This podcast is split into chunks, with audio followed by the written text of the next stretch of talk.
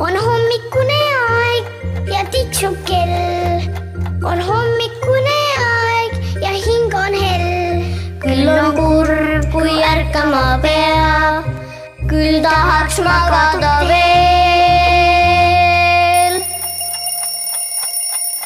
tere, tere hommikust, ärgake, ärgake.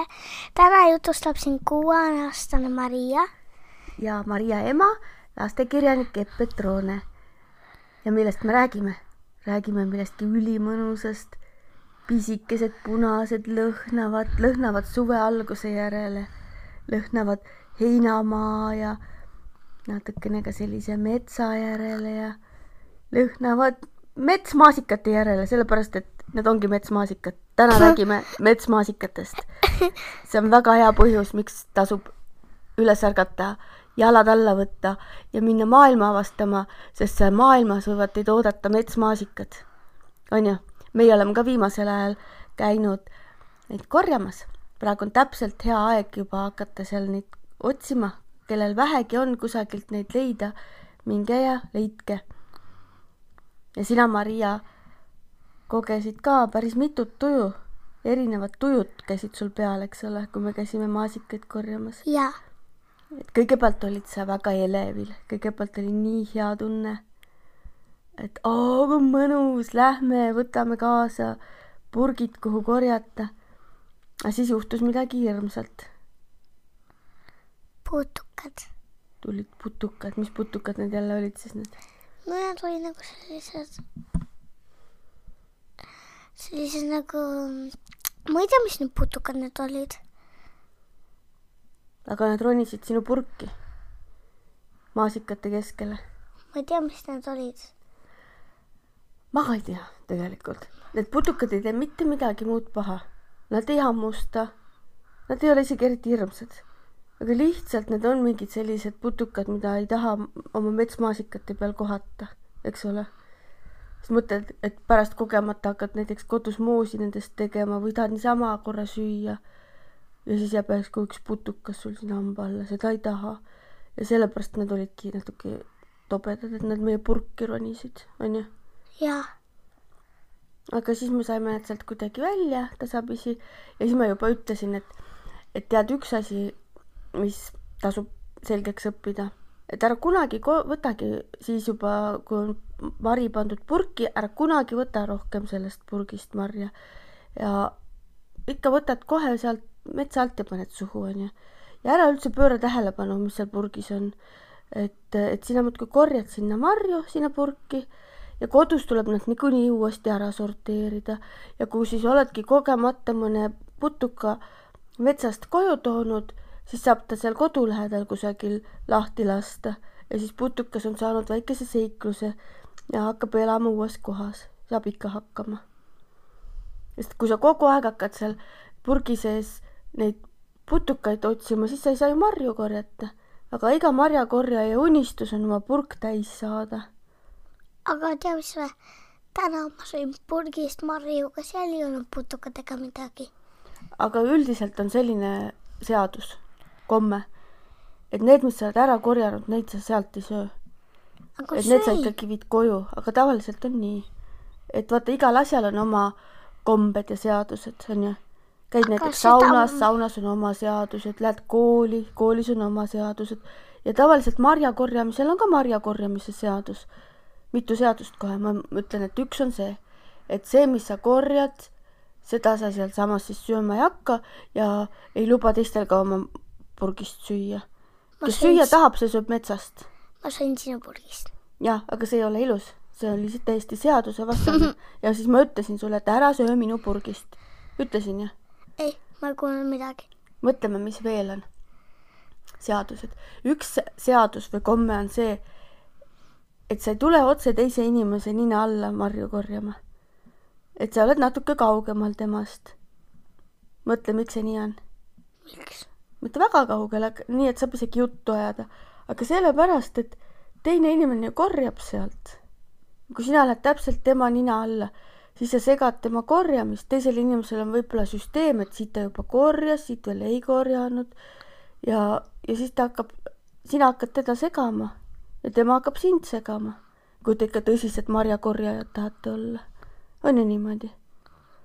et parem on niimoodi, et sina oled natukene kaugemal, niimoodi, et saab veel juttu ajada, igasuguseid mõnusaid marjal käimise jutte rääkida või mingisuguseid mõttemänge mängida, samal ajal korjad, aga samal ajal ei sega teist.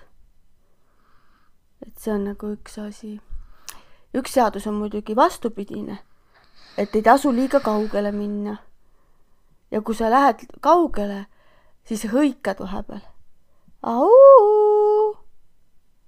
et teised teaksid, kus sa oled sest et ei ole väga mõnus, kui keegi metsa ära eksib. ja see on nagu üks seadus. siis üks seadus on see, et kui sa näed, näiteks nagu täna me nägime hästi palju marju, siis sa ei jookse seal ringi ja vaatad väga täpselt oma jalgade ette. et, et ära vaata kaugele, vaid vaata kõigepealt see, et kuhu sa oma jala paned, sest muidu sa lihtsalt astud nende marjade peale minu meelest täna sina astusid päris mitu metsmaasikat laiaks. oli see täna või üks päev oli? et igatahes jah, astusid laiaks midagi. metsmaasikaid ja päris suured portsud. aga oli, mis oli, igatahes saime päris palju mõnusaid marju ja sinul oli seal mitu tuju, vahepeal sa olid väsinud, siis sa sõid jälle marju juurde, siis sul läks tuju nii heaks jälle ja vaata, siis me arutasime seda, et äkki marjad on ka elus.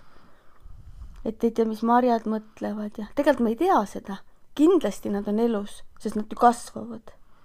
aga seda me ei tea, kas nemad omavahel oskavad suhelda, kas nemad oskavad näiteks mõtelda. kas sina oled näiteks kunagi mõelnud, et äkki marjad on elus? ei. aga äkki on äkki nad kogu aeg unistavad sellest, et keegi tuleks ja keegi korjaks neid ja et nad saaksid õnnelikuks, kui keegi neile ütleb, sa oled maailma kõige mõnusam metsmaasikas. aga siis ta saab sul hambade vahel. jaa, aga see ei ole hullu, ta jäi tegelikult kasvama ka sinna edasi. järgmisel aastal kasvab uuesti. äkki on nii? et äkki see on nagu ainult osa sellest marjast ja, ja talle meeldibki see, et ta saab meie juurde seiklema tulla ja siis ta tuleb meie kõhust läbi ja lups ja siis tema läheb uuesti kuskile uude seiklusesse. noh, tead ju. vetsupoti. vetsupoti seiklusesse ja siis vetsupoti seiklus lõpeb kusagil, kus ta saab jälle mullaks. väga huvitav. tegelikult me ei tea, mis tema mõtleb ja kas ta mõtleb. ega inimesed ei tea kõiki asju.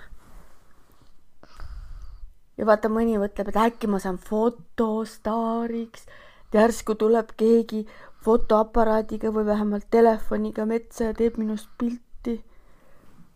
mõtle, kui äge.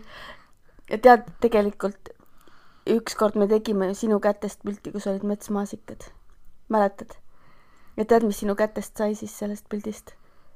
Nendest saidki fotostaarid, sest et see pilt läks raamatu Meie Eesti, minu kirjutatud raamatu kleepsuks. ja siis hakkasid ju lapsed kõik vahetama neid kleepse. ja üks kleeps oli metsmaasika kleeps, metsmaasikat sinu kätega. ja niimoodi need metsmaasikad saidki kuulsaks. oli niimoodi. ja mis me kodus metsmaasikatest tegime? ühe magusa magustoidu tegime koogi nagu koogi peale panime maasikad, siis panime ka seda, kuidas kohupiima. kohupiimakreemi tegime ja panime ja, metsmaasikaid. ja panime hästi palju maitseainet. vaniljet panime ja vaniljepuru. jah. aga sinule maitses, aga minule väga ei maitsenudki. sest et mina igatsesin oma lapsepõlve maiku. et lapsepõlves me tegime alati ühtemoodi asja, et me panime need maasikad äh, taldriku peale ja siis tegime nad kahvliga puruks ja siis raputasime suhkrut, segasime läbi ja siis panime need üldse kaussi ja valasime peale piima. ja ma tahaksin seda mait-, maitset uuesti. ma arvan, et järgmine kord teeme seda. siis ma, no see kohupiimakreem oli ka üsna hea, aga ma ikkagi katsesin seda lapsepõlve maitset. jaa. Nii et sellised on lood, metsmaasikalood. ja et ütleme nüüd kõigile, et ärgake, ärgake, sest et metsmaasikad ootavad kusagil metsa all. ja kui tõesti ei saa metsa minna, äkki saate minna vaatama kusagile mujale, turule või poodi. meie ütleme siit tere hommikust. on hommikune aeg ja tiksub kell.